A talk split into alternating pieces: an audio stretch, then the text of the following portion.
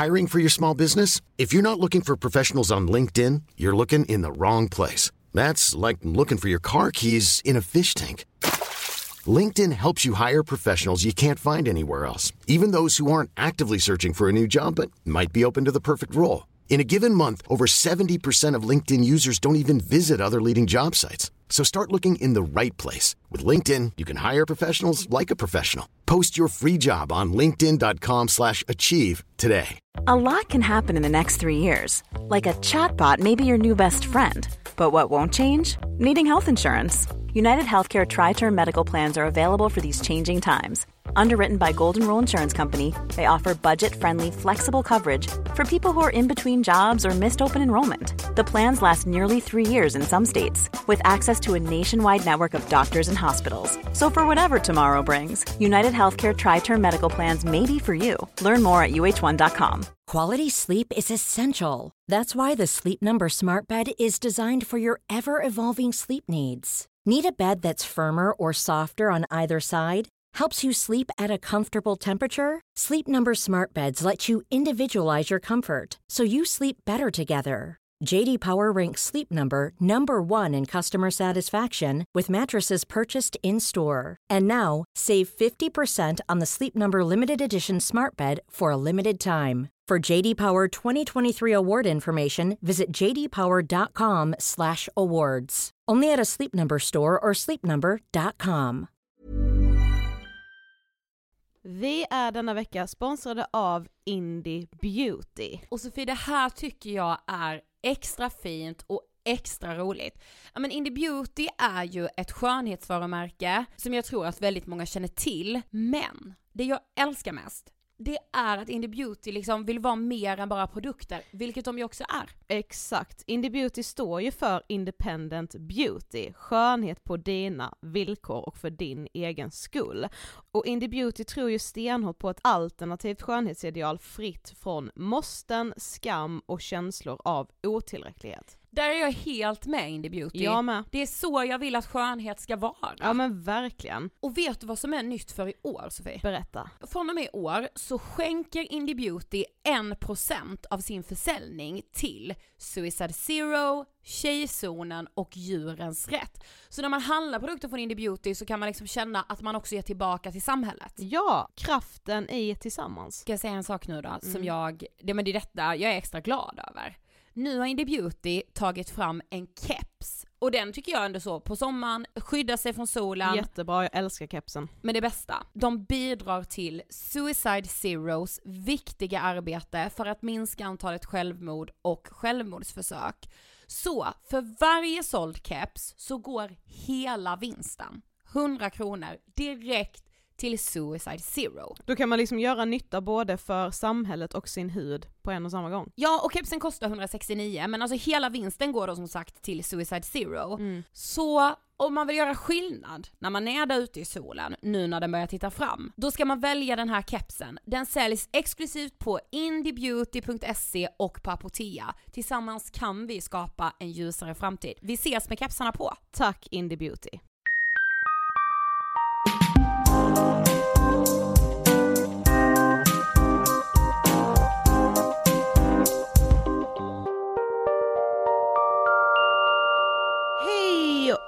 och hjärtligt välkomna till avsnitt 207 av Ångestpodden. Fan vad skönt att vara tillbaka i studion! Hej! Helt fantastiskt god! Ja men det, jag, jag litar inte på våra mickar och jag och Emma. Men verkligen inte. Jag funderar på om vi ska bygga en studio i Karlshamn också eftersom vi ändå är där ganska mycket. Det skulle vi nog behöva göra ja. Ja så bygg, jag bara, eftersom jag är så Nej hemlig. men fixa liksom dubblett av utrustning. Faktiskt. Ja. Det tror jag på under 2019. Mm. Men du jag Tål sa... inte dåligt ljud.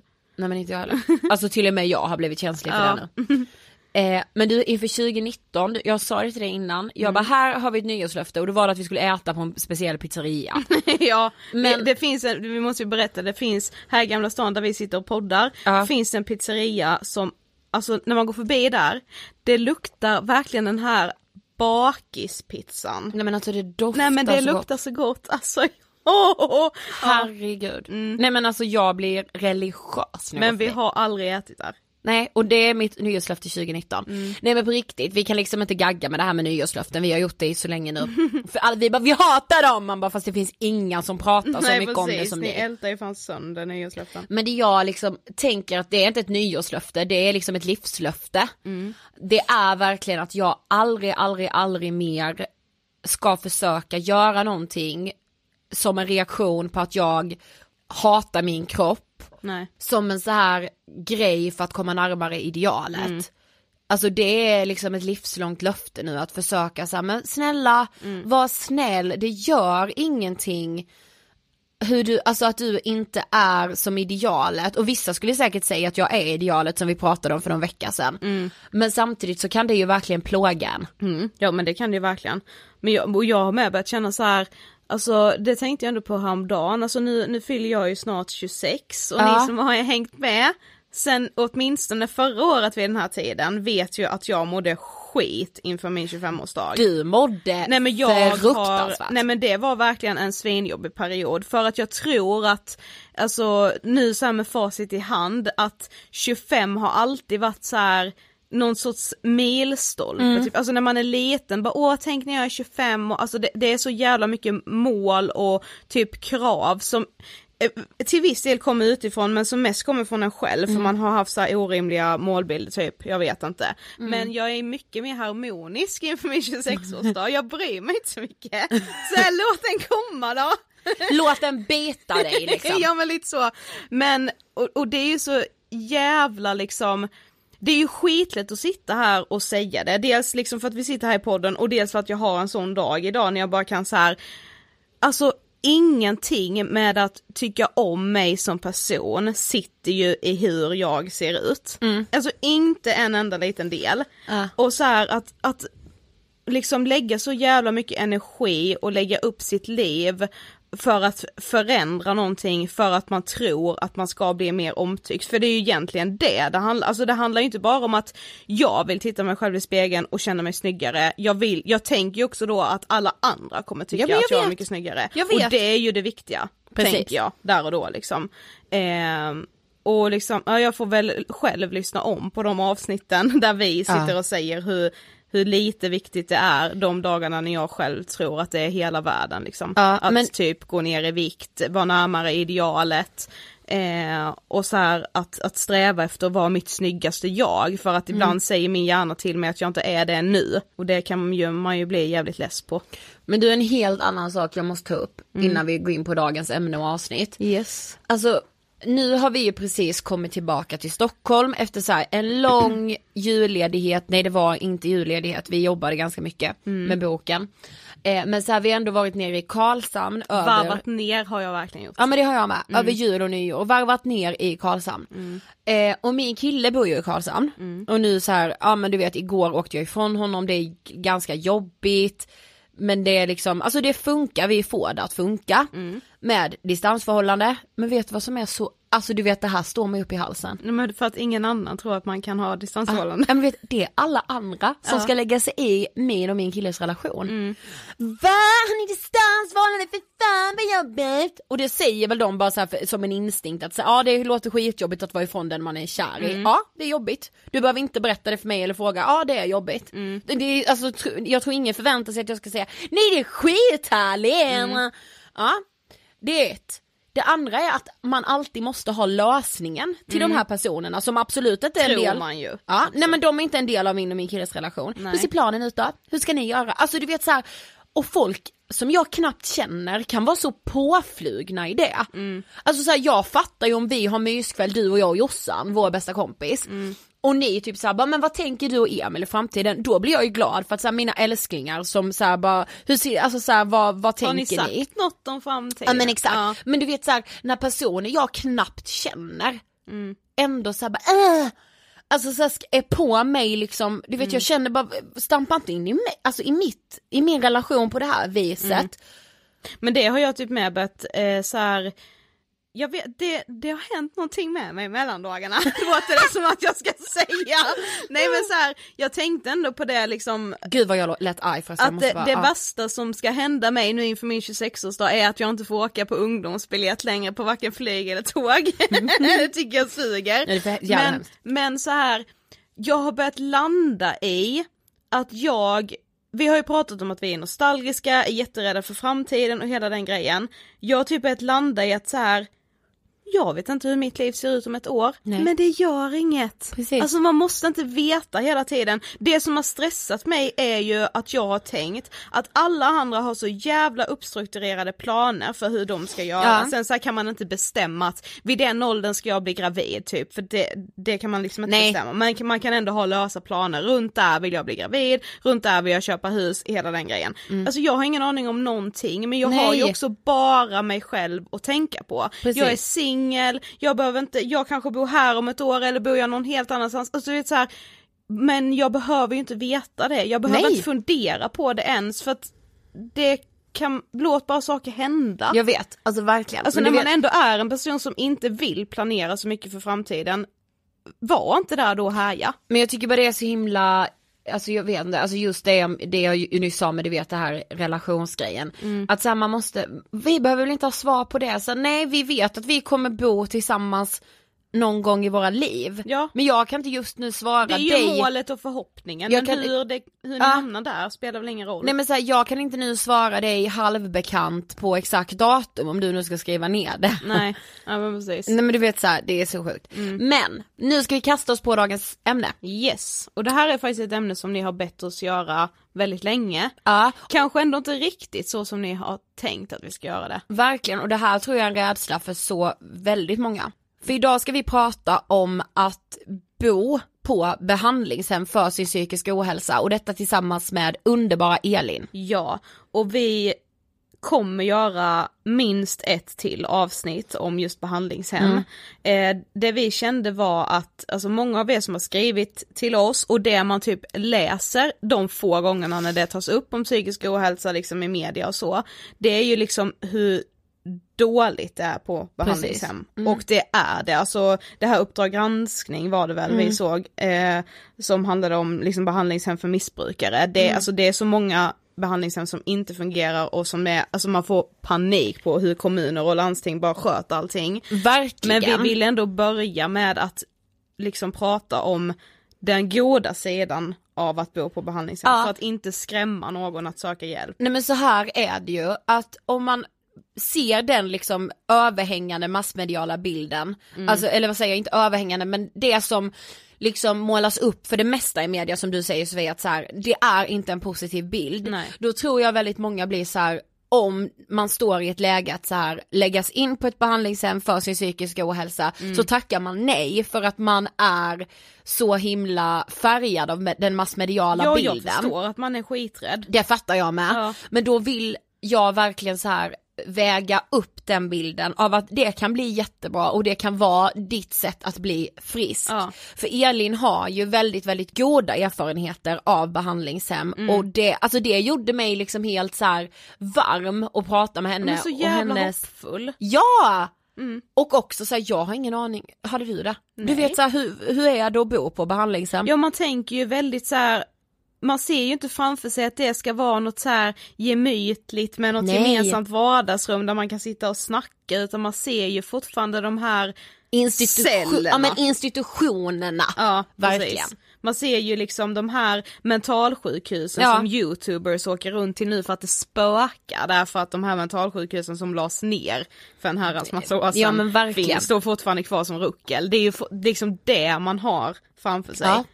Eh, och så är det ju inte. Nej, så vi rullar intervjun med Elin om att bo på behandlingshem för sin psykiska ohälsa. Varsågoda!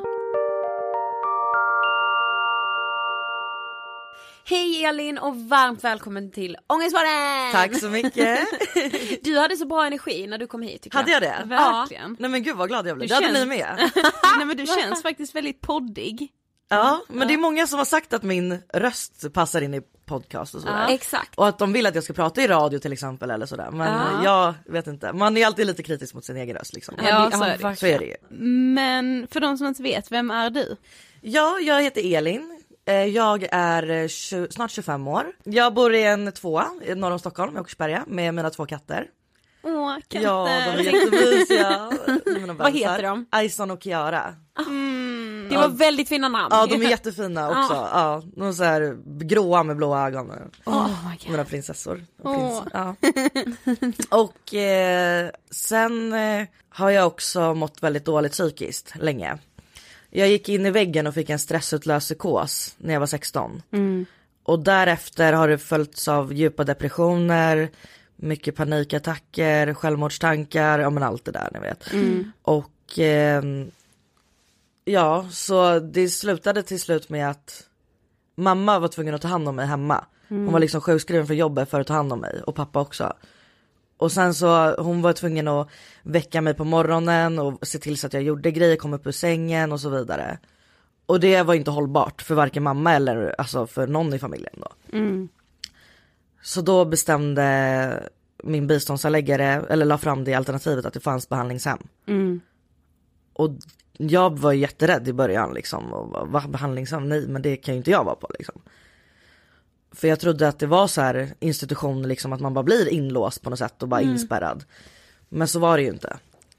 Nej. Nej. Vi kommer, Vi kommer dit. Ja vi kommer dit, okej. ja, vi kommer in på det Ja. mer sen. Men först så tänkte vi att du såklart ska få standardfrågan hos oss. Absolut. Vad tänker du på när du hör ordet ångest?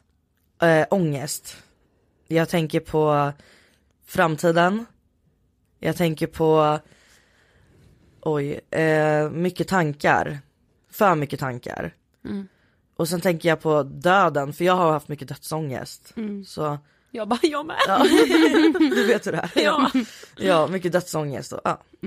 Men vi ska ju prata behandlingshem idag just, men vi tänker att vi behöver ändå börja lite från början, liksom hela din resa med psykisk ohälsa Absolut. innan du hamnade på behandlingshem. Men hur skulle du säga att liksom din psykiska ohälsa började? Eh, den började år 2010 på hösten. Eller på våren var det faktiskt. Och du, Ehm, hur gamla var vi då? Vi, ja, vi lika var gamla. 16. 16 Ja, det var vi, ja. 16 var vi. Och vi gick ettan i gymnasiet. Mm. Eh, Det var på vårterminen där. Jag hade haft väldigt jobbigt med eh, skolan, mycket stress och mycket press i skolan. Och jag gick ner massa i vikt, bantade hårt och åt ingenting och tränade mycket. Samtidigt som min pappa var svårt sjuk, psykiskt och fysiskt, han hade problem med hjärtat och sådär. Och eh, sen sov jag inte på tre, fyra nätter. Och sen en dag när jag skulle gå till skolan då hade jag en psykos. En stressutlöst psykos. Och den eh, varade nog två, tre veckor nästan. För sen åkte jag in, eh, mamma märkte ju det direkt, mamma är sjuksköterska. Så hon eh, såg på mig att någonting var, det stämde inte liksom. För jag var helt paranoid och jag, jag kommer ihåg lite av psykosen också. att Jag skulle precis säga, märkte du själv att det var någonting som var konstigt? Absolut, jag märkte ju, jag, eller jag märkte inte att något var konstigt för jag var i min egna värld. Men nu i efterhand fattade jag att det var riktigt konstigt. Ja. Men då var det mer liksom, jag såg grejer, jag hörde ljud och jag trodde att alla var ute efter mig och skulle döda mig och riktigt så här paranoid schizofren psykos liksom. Ja, Men gud, alltså, du var ändå väldigt, väldigt ung. exakt. tänker jag. Eh, och det måste ju ha varit, alltså var det verkligen så här, du vaknade en dag? Ja jag vaknade inte för jag hade inte sovit något så jag gick upp en dag liksom. Ah. Så kommer jag ihåg att jag stod i duschen, jag kände inte mitt, lite som så här ni vet när man inte känner, känner några känslor liksom sådär. På huden och när jag duschade kommer jag ihåg och eh, Sen åkte jag till skolan, då hörde jag tickande ljud så här och då trodde jag att en bomb skulle sprängas i min skalle och det var så här. Och jag gick, gick runt och skrek i skolan, jag vet att folk har berättat efter liksom att det var riktigt, riktigt psykos liksom. Ja. Jag tänker att så här, psykos är liksom ett ord man slänger med. Mm, Och men det, det här är så farligt att göra, alltså så här, Ja. ja nej men nu, så Ja, här, jo, jo, för du jag har fattar liksom vad du haft, menar, men du vet så här, vi ser ni också det på så här sociala medier? Absolut, att Folk bara, bara jag får får panik psykos. från psykos. Ja exakt. Man bara, panikattack, ja Ja. exakt. Man bara nej, nej, nej, nej, alltså psykos är liksom ett jätteallvarligt tillstånd. Absolut, det är ju det. Ja, Och jag blir också så här när folk skämtar lite om sånt, alltså visst jag Ja. kan väl också driva lite, och jag har lite distans till mig själv liksom så. Men det behöver Men man det ha. behöver man. Precis, men jag ser när man ser på sociala medier att folk driver om ja, med ångest och panikångest Mm. och sånt där, alltså man blir ju lite less då. Ja faktiskt. Ja, För man är så rädd att det liksom, att inte folk ska förstå precis. vad en psykos verkligen är som du och jag har gått igenom. Exakt. Att, att folk då ska tänka att säga, ja men vadå det är väl ingen fara, för det ser ju att folk skriver på Instagram när de har för mycket jobb. Ja eller så Exakt. tänker man att det är så här jätteallvarligt och jättefarligt bara, alltså så här att man är liksom livrädd för det och att då blir att man liksom inte heller pratar Nej, om precis. att ha, man kan ju liksom komma ur en psykos. Exakt och det har jag gjort liksom. Precis. Så det går ju. Men du skrev också till oss och berättade om, alltså om dina liksom olika typer av psykisk ohälsa, PTSD, Ja, eh, panikångest, hypokondri eller ja. Ja. hälsoångest som det ju heter, depression. Eh, P- alltså kom, kom det här PTSD och det här kom det efter?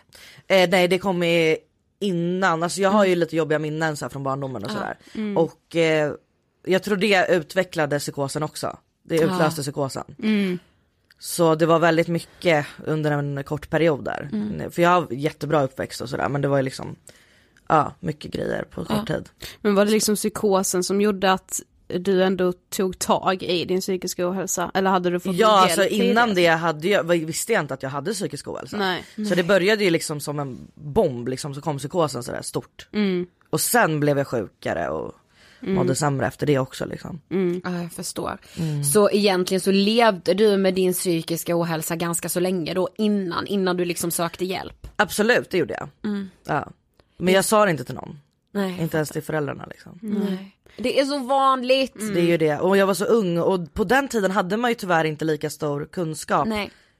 Eller det, kunskap, men man hade inte, det var inte lika vanligt att prata om det liksom. Nej. Nej men exakt. Man trodde, man trodde inte det fanns någon runt omkring sig som också Exakt. mådde dåligt. Man höll Nej det men man själv. hörde ju liksom inte om det. Nej, Nej, precis. Men vad, kan du berätta lite så här, vad hände då efter att du hade hamnat i den här psykosen? Din mamma förstod att det var så, så jag Ah. antar att ni sökte hjälp då Ja det gjorde vi. Hon eh, ringde till, eh, då var det ju barnpsyk, BUP-kliniken på Saxka där, Södersjukhuset. Så då hon ringde de- dem och sa det att min dotter är helt paranoid och hon har fått för sig att det är grejer i maten och att eh, jag kommer döda henne och sånt där liksom. Så då, Alltså du trodde även att ja din ja, mamma alltså skulle- det var ju på den nivån liksom. Jag trodde att alla hade något emot mig. Och ehm, så åkte vi in akut till eh, Södersjukhuset då. Och eh, där var jag ganska länge, jag tror jag var där en månad om inte mer, två månader kanske. Och då sa de på plats när du kom in att så här, du Ja får det, vara kvar det, ja du måste vara kvar liksom.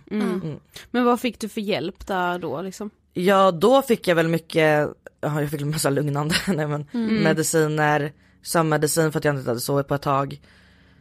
Och eh, sen fick jag till slut fick jag Risperdal som är en stark eh, antipsykotisk medicin. Men, men alltså hur, fick du någon terapi? För jag tänker just så här, Ja. innan man liksom blir inlagd eller får komma till ett behandlingshem så har man ju förmodligen testat väldigt mycket annan hjälp. ja, Så vad för typ av hjälp har du liksom provat innan behandlingshemmet? Jag har ju fått, jag har haft mycket psykologer och terapeuter och sådär. Eh, och eh, så terapeut och psykolog har jag ju testat och sen har jag också fått eh, Är det olika behandlingar? Ja, då? olika behandlare. Och KBT har jag testat och alla sådana där former, liksom DBT och KBT och allt Ja. sånt där. Så, men inget hjälpte riktigt. Men var det någon så här utlösande händelse som gjorde att det till slut blev så här, men vi, vi vill ändå ge det här som förslag att du ska bli inlagd på behandlingshem. Ja det var väl mest då när jag var så dålig, när jag sov, jag kunde sova liksom 22 timmar om dygnet nästan och gick upp och kissade, käkade någonting, gick och la mig igen. Och så där var det liksom en månad. Och mamma var ju tvungen att komma hem och väcka mig innan jobbet och under jobbet och efter jobbet. Ja. För jag gick och la mig hela tiden. Och mamma kände ju det att det är inte hållbart. Nej. Och det var det ju inte. Nej. Gud, alltså det måste med vara så hemskt för anhöriga i Absolut. den situationen och känna så här, men gud, alltså vad ska jag göra liksom? Alltså man måste ju känna sig så himla himla hjälplös. Da- Som din mamma då tänker jag i det läget. Precis. Men, eh, alltså var det du själv som ville bli inlagd eller blev du liksom tvångsinlagd? Nej det var jag själv. Det var du själv? Ja. För jag Eh. kände det, jag ville ha ändring. Ja. Ja. Men gud vad starkt ändå att komma till det, det beslutet. Ja, jo men det, det är det nog. Ja. Jag kände det också att det, och sen var det ju lite så här för mammas skull också. Ja. Om jag ska vara ärlig. Så var det liksom, mamma sa det om du inte vill göra det för din skull, gör det för min skull liksom. Mm. Men var det då någon som hade liksom ändå kommit med det förslaget att ja men det, det här alternativet har vi för dig och det kommer funka så här Ja eller? precis, det var min biståndshandläggare då på, Ja. på kommunen som sa det. Men vad hade du själv då för bild av behandlingshem innan? Alltså jag tänker ju liksom gökboet. Ja. Nej men alltså den Jag nivån. tror alla gör det. Ja, men det gör ju ja. alla typ. Mm. Ja. Så jag tänkte ju att det var väldigt tvångströja som vi pratade om och Ja. liksom bältesängar. Mm. Och instängd i ett rum. Det tänkte jag innan. Ja för grejen är att medialt så är det ju den bilden som har målats upp och det är Ja. fruktansvärt. De som har liksom hamnat fel, de har hamnat, de har ett självskadebeteende, de är 16 år och ham- hamnar på rättspsyk med mördare. Det är fruktansvärt. Det är hemskt. Men, men det, det är ju ändå den minsta delen och det är skitbra att det uppmärksammas också men det känns viktigt för oss att liksom ha det här och lyfta att det finns ett annat mynt av behandlingshem också. Absolut. Liksom, och att bli inlagd. Ja men som faktiskt hjälper. Ja ja och det gör det ju. Ja. Men eh, vad var det för typ av behandlingshem som du kom till? Det var ett eh, HVB-hem. Och eh, ja, men, jag, ja men just det, HVB-hem tror jag också är så laddat för många. Att det är liksom så HVB-hem, oj liksom. Absolut, det tror jag också. Eh, Och det var ju det jag kände innan också, jag var ju Precis. livrädd innan. Ja. ja. Men hur var dina första dagar? Alltså när du kom dit och så här. Först var jag där på besök Ja. en dag. Då åkte jag och min biståndsanläggare och min mamma ner till Norrköping då. Okej. Eh, och, Vänta jag tänkte först med, alltså biståndshandläggare för de som inte vet vad är det för någonting? Ja. ja men det är ju de på eh, kommunen som bestämmer vilka insatser man ska få. Som till exempel boendestöd, eh, handläggare eller behandlingshem och allt Ja. sånt där liksom. Ja. Ja. Så du, du var där på besök? Precis, Det då, tycker jag är bra, att man får komma och liksom så. Ja. det gillade jag faktiskt. Och det, då fick jag ändå se och hälsa på personalen och och, eh, men jag var bara där i några timmar liksom och pratade med personalen och hälsade på de inlagda och sådär. Och sen flyttade du då dit? Ja en vecka efter. Ja. Jaha, Men hur- så nära inpå Ja. Mm. Men hur var det då? Eh, I början, eh, jag var ju jätterädd i början. Jag har inga problem med det sociala eller något sånt där. Men eh, jag hade ju väldigt, jag mådde ju väldigt dåligt när jag kom dit. Så det var ju väldigt mycket panikångest varje natt. Jag fick prata med personalen, de hade ju personal dygnet runt där. som sovande personal då. Så man fick gå och väcka dem om man ville och det gjorde jag ganska mycket på, i början då, första nätterna då. Sen kommer jag ihåg att jag hade sån himla hemlängtan i början också. Ja såklart. Och mamma, jag vet att vid något tillfälle åkte hon ner till Norrköping för att, för att jag var på väg hem, för att jag ville hem. Liksom, så. Men eh, så hon åkte ner liksom till Norrköping för att bara krama om mig och sådär. Mm. Men får man liksom ändå, blir det liksom som att man flyttar dit? Alltså får man ta med sig sina, mycket så personliga saker och liksom göra det till sin egna lilla lägenhet? Alltså förstår du vad jag menar? Alltså hur är det? Ja alltså jag fick ju ta med mig vad jag ville. Ja, Så jag tog med mig hela pick och packet, alla kläder och ja. inredning och ja, men lite så här mysiga ljusslingor och Ja grejer. men så att det ska kännas som att man ändå är hemma. Ja exakt, så att man känner sig lite bekväm och trygg där. Får man ett eget rum? Ja, Ja. det får man. Men inte egen, jag delade toalett med en annan tjej. Okej. Men eh, eget rum får man. Ja. Med så här garderob och säng och ja, så vanligt. Ja. Men du skrev till oss och berättade att ganska så snabbt så började du ändå trivas. Absolut, det gjorde jag. Ja. Och det var nog tack vare personalen. Ja. För att de var helt fantastiska. På många sätt. Men och hur This is Paige, the co-host of Giggly Squad, and I want to tell you about a company that I've been loving, Olive and June. Olive and June gives you everything that you need for a salon quality manicure in one box. And if you break it down, it really comes out to $2 a manicure, which is absolutely insane. It's also so easy to get salon worthy nails at home with Olive and June. The difference between how your nails used to look when you did them yourself and now with the Manny system is a complete game changer. The best thing about Olive and June too is it's a quick dry, dries in about one minute, lasts for five days, and full coverage in up to one to two coats. Visit oliveandjune.com slash perfect Manny 20 for 20% off your first system. That's oliveandjune.com slash perfect Manny 20 for 20% off your first system. Hiring for your small business? If you're not looking for professionals on LinkedIn, you're looking in the wrong place. That's like looking for your car keys in a fish tank. LinkedIn helps you hire professionals you can't find anywhere else, even those who aren't actively searching for a new job but might be open to the perfect role. In a given month, over 70% of LinkedIn users don't even visit other leading job sites. So start looking in the right place. With LinkedIn, you can hire professionals like a professional. Post your free job on linkedin.com slash achieve today. Quality sleep is essential. That's why the Sleep Number Smart Bed is designed for your ever evolving sleep needs. Need a bed that's firmer or softer on either side? Helps you sleep at a comfortable temperature? Sleep Number Smart Beds let you individualize your comfort so you sleep better together. JD Power ranks Sleep Number number 1 in customer satisfaction with mattresses purchased in-store. And now, save 50% on the Sleep Number limited edition Smart Bed for a limited time. For JD Power 2023 award information, visit jdpower.com/awards. Only at a Sleep Number store or sleepnumber.com. Var det liksom, blev man liksom vän med de andra som... Absolut, alltså jag kom nära två stycken inlagda Mm. redan i början. Och eh, som sagt, jag har inte, jag tyckte att eh, det var väldigt, eh, de tog hand om, eller vi var väldigt öppna med varandra. Mm. För du vet när man kommer till ett sånt ställe där alla är där av en anledning och mår Mm. dåligt. Då blir det som att man blottar hela sig själv från början. Man har redan gjort Man har det. redan gjort det, Ja. för alla vet att man är där av en anledning. Det är ju inte som en skola eller något sånt där liksom. Så det blir ju lättare på det sättet att lära känna varandra från början, tyckte jag. Det kan jag verkligen tänka mig. Men, men jag tänker också på att så här, alltså kan du nu liksom i efterhand tänka på vad var det personalen gjorde som fick dig att ändå känna så här, jag trivs fan här. Jag, jag tror att det var för att de var så varma och välkomnande.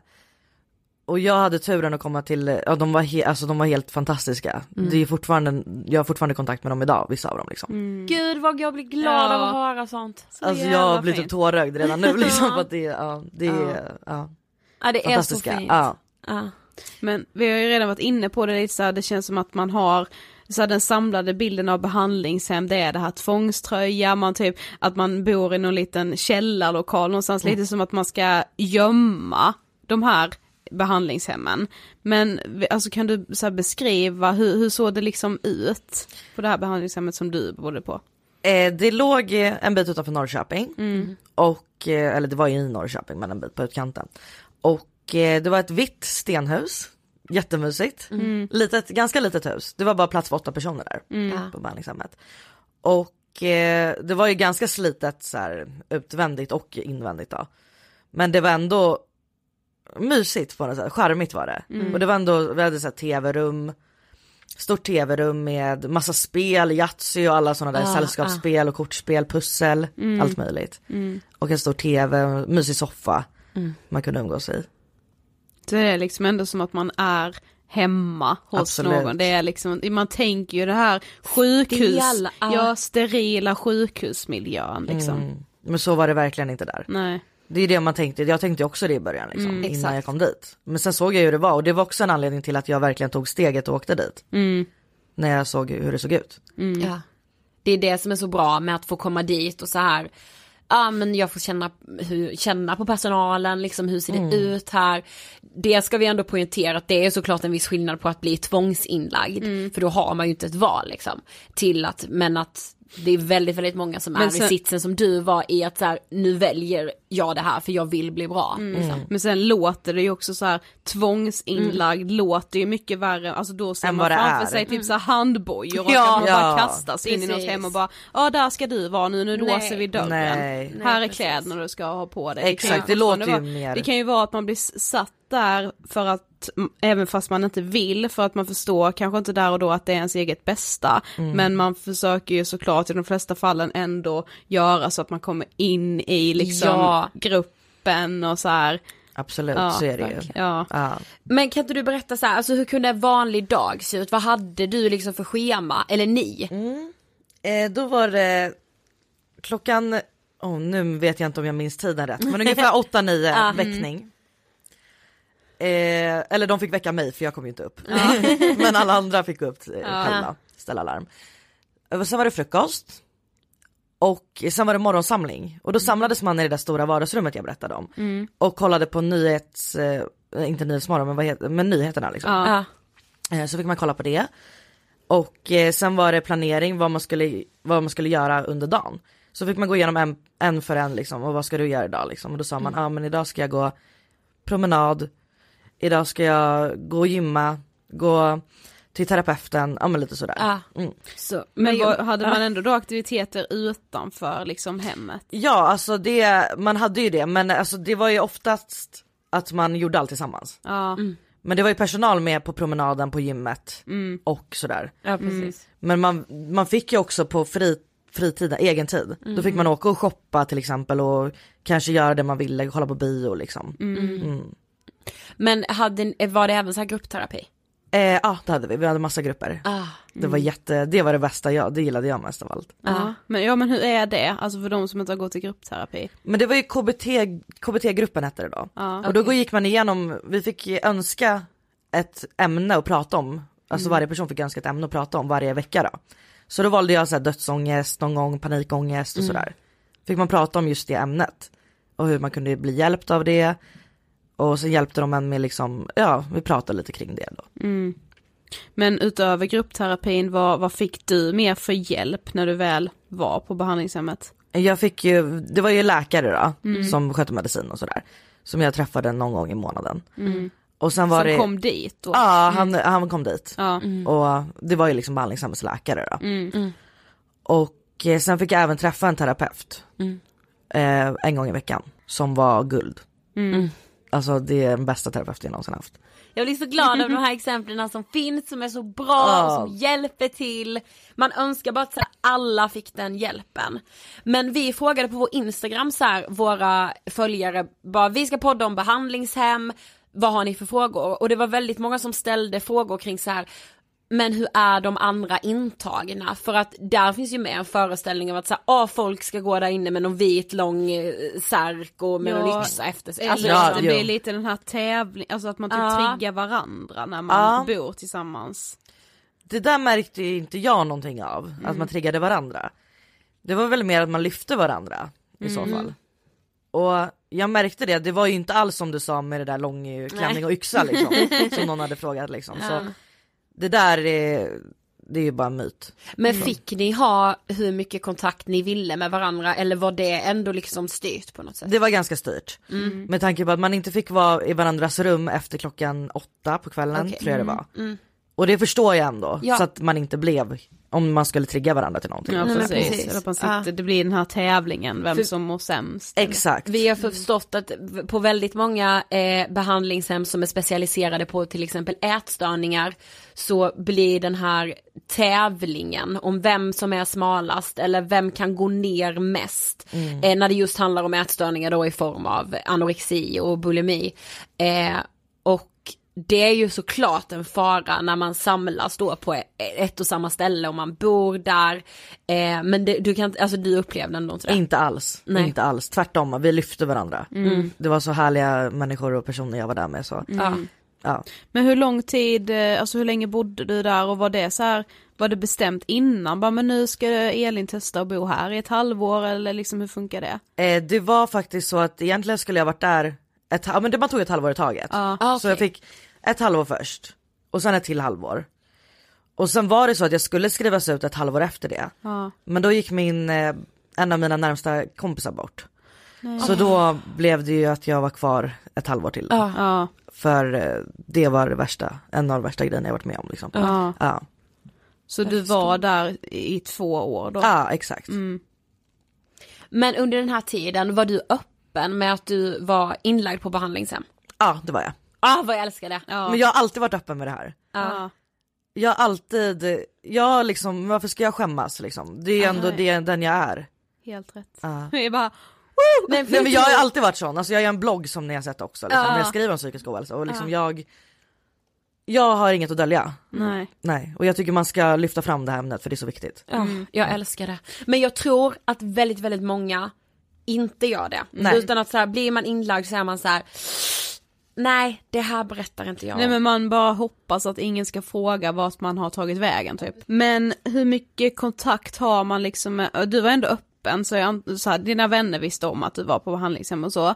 Men hur mycket kontakt får man eller har man med liksom världen utanför det här behandlingshemmet liksom? Eh, jo men man fick ju ha mobiler och allting. Ja, Det var ju ganska fritt på det sättet. Ja, Så det var ingen liksom, alltså det var kanske att man inte ska prata i telefon jättesent på nätterna så att andra Ja. störs av det men annars fick man ju ha mobiler hur man ville. Om bara man inte störde grupperna och sånt där. Alltså. Ja. Ja. och fick man liksom ha besök hur mycket som helst och så? ja men man måste fråga innan man skulle få besök. Ja. Okej. Så då måste man säga till personalen, nu kommer min kompis och är här. Eh, Ja, men man fick ju inte sova över Nej. på behandlingshemmet då, Nej. såklart. Men då fick man ju bo på hotell eller vandrarhem med föräldrarna och kompisarna.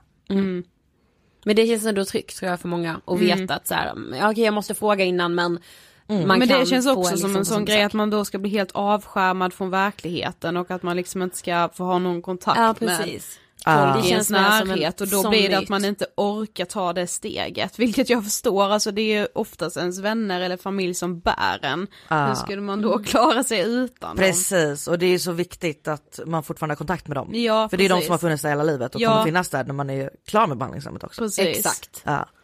Vi hade också många som var anhöriga till personer som, ja men dels led av någon psykisk ohälsa men också av missbruk.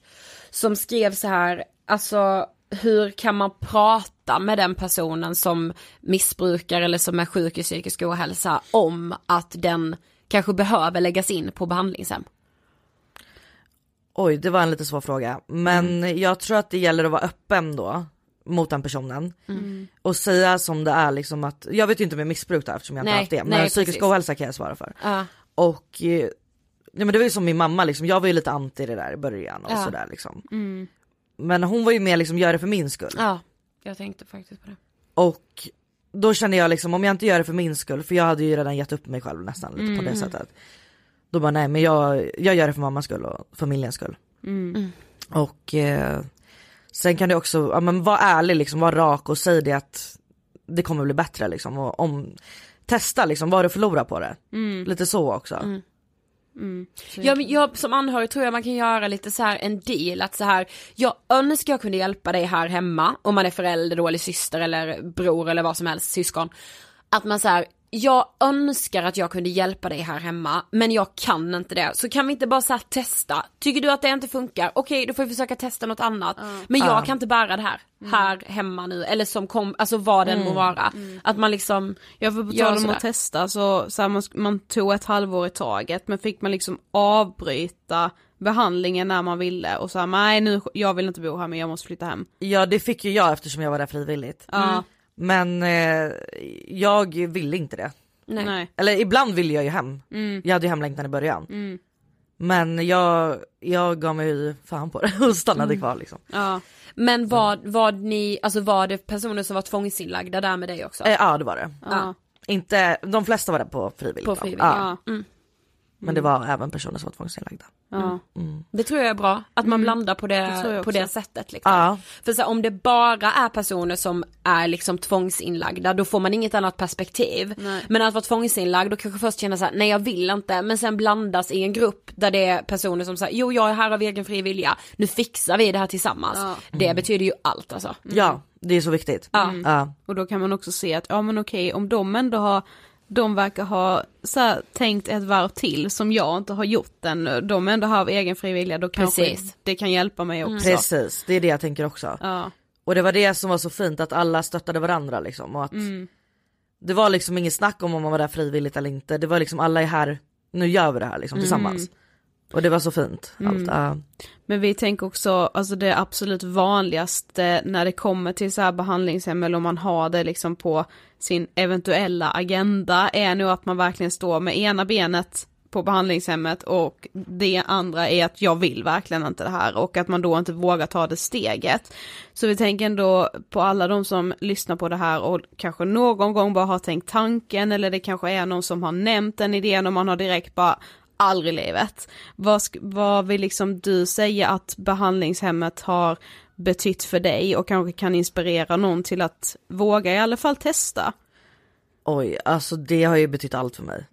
Det, nu kommer jag kanske börja gråta men alltså det, Jo det har ju får liksom, man. det har ju räddat mitt liv. Om man säger så. Jag kommer ju från botten, alltså jag har ju varit där i djupa depressioner med självmordstankar och rubbet liksom. Och från att gå till det till att nu kunna sitta här och köra bil hit idag. Ja. Det är liksom, jag har mycket behandlingshemmet att tacka för det. Mm. För utan det hade jag kanske inte levt idag. Så det, ja alltså jag ångrar inte en sekund att jag gjorde det. Nej. Och jag önskar att fler kunde göra det med tanke på att det hjälper. Mm.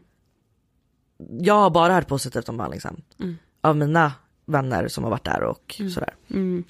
Ja, har ni kontakt, alltså har du kontakt med någon av dem som bodde där när du bodde där? Ja, två, tre stycken har jag kontakt med idag. Ja. En av dem är mina, en av mina bästa vänner. Så Så. jävla fint! Ah. Alltså, Och det är underbart alltså. Ja. Och henne skulle jag aldrig kunna träffa på något annat sätt än på hemmet liksom. nej. Nej, är Och så tänk vad ni liksom kan hjälpa varandra nu, alltså så här, man lär ju sig så mycket om sig själv när man så här, går mycket i terapi och gruppterapi, så sjukt mycket man lär sig om andra. Mm. Ja men också att se andras varningssignaler. Du kan ju Precis. finnas där för henne och Det så var här det bara, jag skulle komma till, alltså, ja. Ja absolut och det var ju så fint att kunna hjälpa men liksom alltså att man hade den gemenskapen liksom. Ja.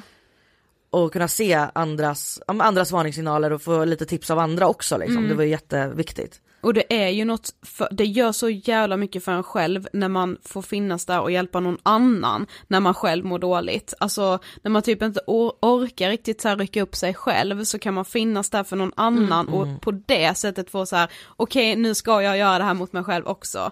Nu ska jag vara snäll. Liksom, Exakt, nu ska Ja jag vara var snäll andra. mot sig själv och mot andra liksom. Ja, Ja. Precis. Men kan du, eller så här, ger du dig tid till att tänka tillbaka och vara så här stolt över dig själv?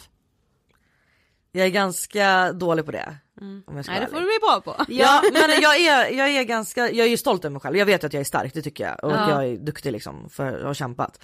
Men eh, det är oftast, det är svårt att se det själv på något sätt också. Det är lättare för omgivningen. Det är som mina nära vänner säger till mig, jag bara Elin du mår så jävla mycket bättre liksom. Man ser det på dig och du skiner och sådär. Och min energi som ni till och med Ja, nämnde liksom som jag inte ens har träffat innan liksom. Ja. Alltså, jag blir, ja. Och när mamma säger det framförallt, hon säger Ja. se hur långt du har kommit liksom. Från när jag skjutsade dig där, dit till psyket liksom när vi var 16 till nu. Men jag tänkte, vad hände liksom den dagen du skrevs ut från behandlingshemmet? Eh, Hur var det? Alltså, var, jag slussades ju ut lite. Ja. Okej, ja. Så det var liksom en helg hemma och fe- eller fem dagar hemma, en helg på behandlingshem. Så man slussades ut lite i omgångar liksom så att det inte blev direkt.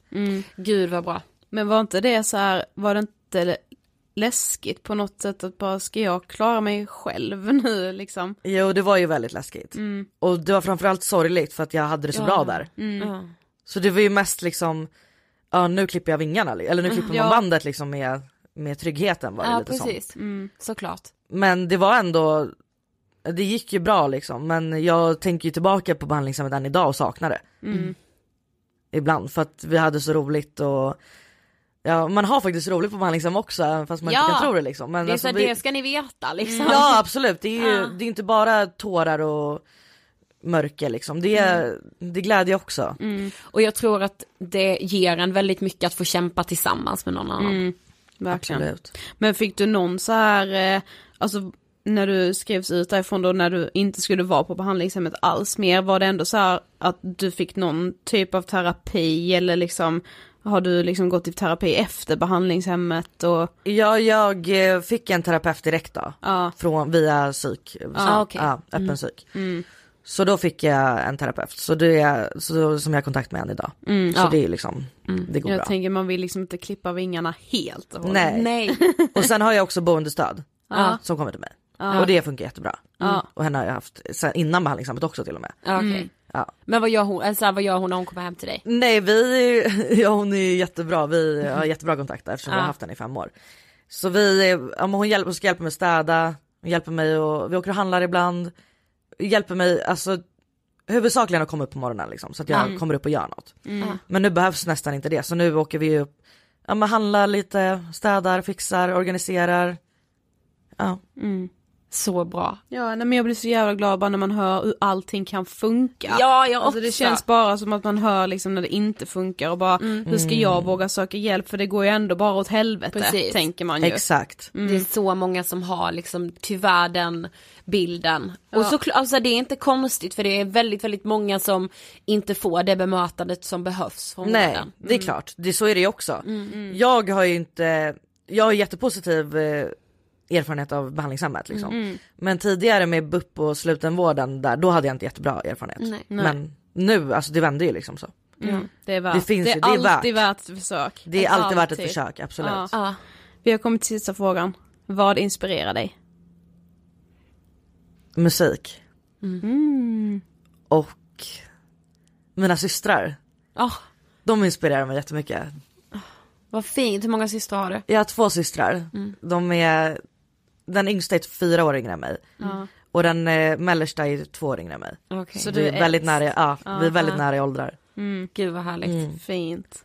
Tack så jättemycket för att du ville komma och berätta om det här i Ångestpodden. Men tack själv, det var jättefint att jag fick vara här och ja, Det känns som ett avsnitt där vi har satt tryckt hål på hur många myter och fördomar som absolut och det är jätteviktigt. Ja, så viktigt. För det är ju så sant också. Ja. Alltså det har varit ett äkta avsnitt. Ja, ja. Ja. Det, det levande exemplet. jag är ett levande exempel, precis. Tack så jättemycket. Tack snälla, tack. Tack.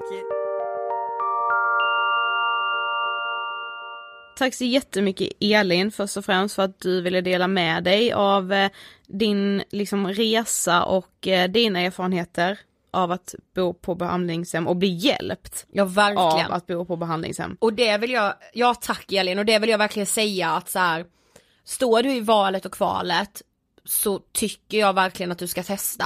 För så här, det kan vara din biljett till ett friskt liv. Och den biljetten, alltså den är värd allt. Gud, jag blir helt så här. Jo men oftast är det ju så, alltså man, man kanske också är rädd för behandlingshemmen av den anledningen att man tänker så här, ah, de som jobbar där kommer inte fatta, de är elaka, kanske man tänker, speciellt om man är sjuk, för då är ju alla som vill få en frisk ses ju ofta som fiender Ja. liksom.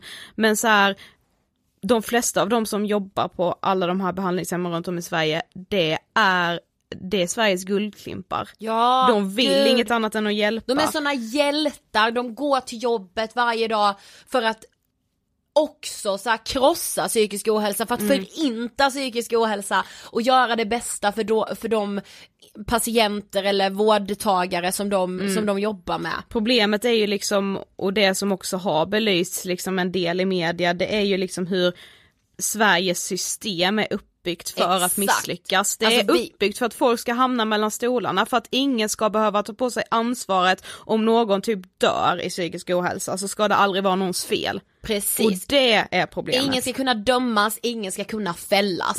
Nu det här kommer ju, det kommer ju mer om det här. Ja det gör det. Och det kommer ju bli spännande. Och har ni egna erfarenheter som är goda av behandlingshem så skriv till oss typ i Insta-DM så kan vi ju dela Exakt. stories om det är så att någon Och- mer vill säga, ja men tipsa om något behandlingshem Ja, som man har varit på som man tycker är verkligen. bra. Alltså vi sprider ju jättegärna vidare det för att vi vill Ja. ju liksom att alla som får möjligheten och kan bli hjälpta av att bo på behandlingshem en liten, liten tid av ens liv. För Ja. det ska vi också komma ihåg, så här, ett halvår är så lite tid av hela livet. Eh, då vill vi att man ska våga ta den Nej men chansen. vi, och sen så här med, det är liksom inget så här, vissa behöver bo på behandlingshem i tre år och vissa behöver bo där i två månader. Ja, Alltså det är så, så, så, så olika. Och att just så här, låt det vara så olika. Alltså det är helt individuellt. Men jag tänker att vi kan fortsätta prata om det här i Ångestpodden Vi pratar vidare, gruppen på Facebook. yes. Ansök där, det är en sluten grupp så man måste bli godkänd för att gå med. Alla som är godkända, det är bara de som ser alla inlägg som skrivs och eh, Nej men vi har det, alltså det är så mysigt där ja, inne.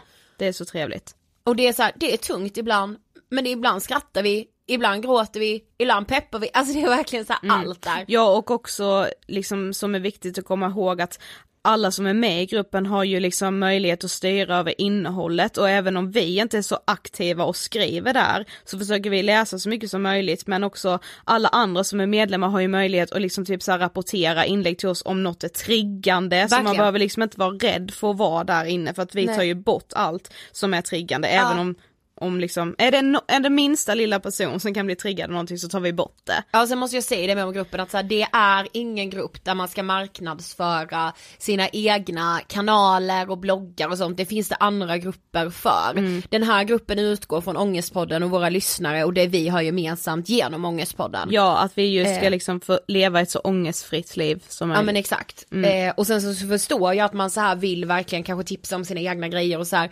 Men det är inte det forumet. Nej. Nu har vi sagt det. Mm. Eh, och sen så tycker jag faktiskt man ska följa oss på Instagram. Jag blir asledsen när ni inte gör det.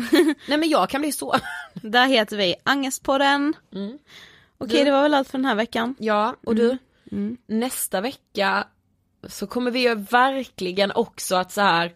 jag tror du och jag kommer skratta och vara arga i nästa avsnitt. Mm. Båda de två. Mycket möjligt. Ja, men det blir gött. Ja, stay tuned. Så hörs vi nästa vecka. Hej då! thank you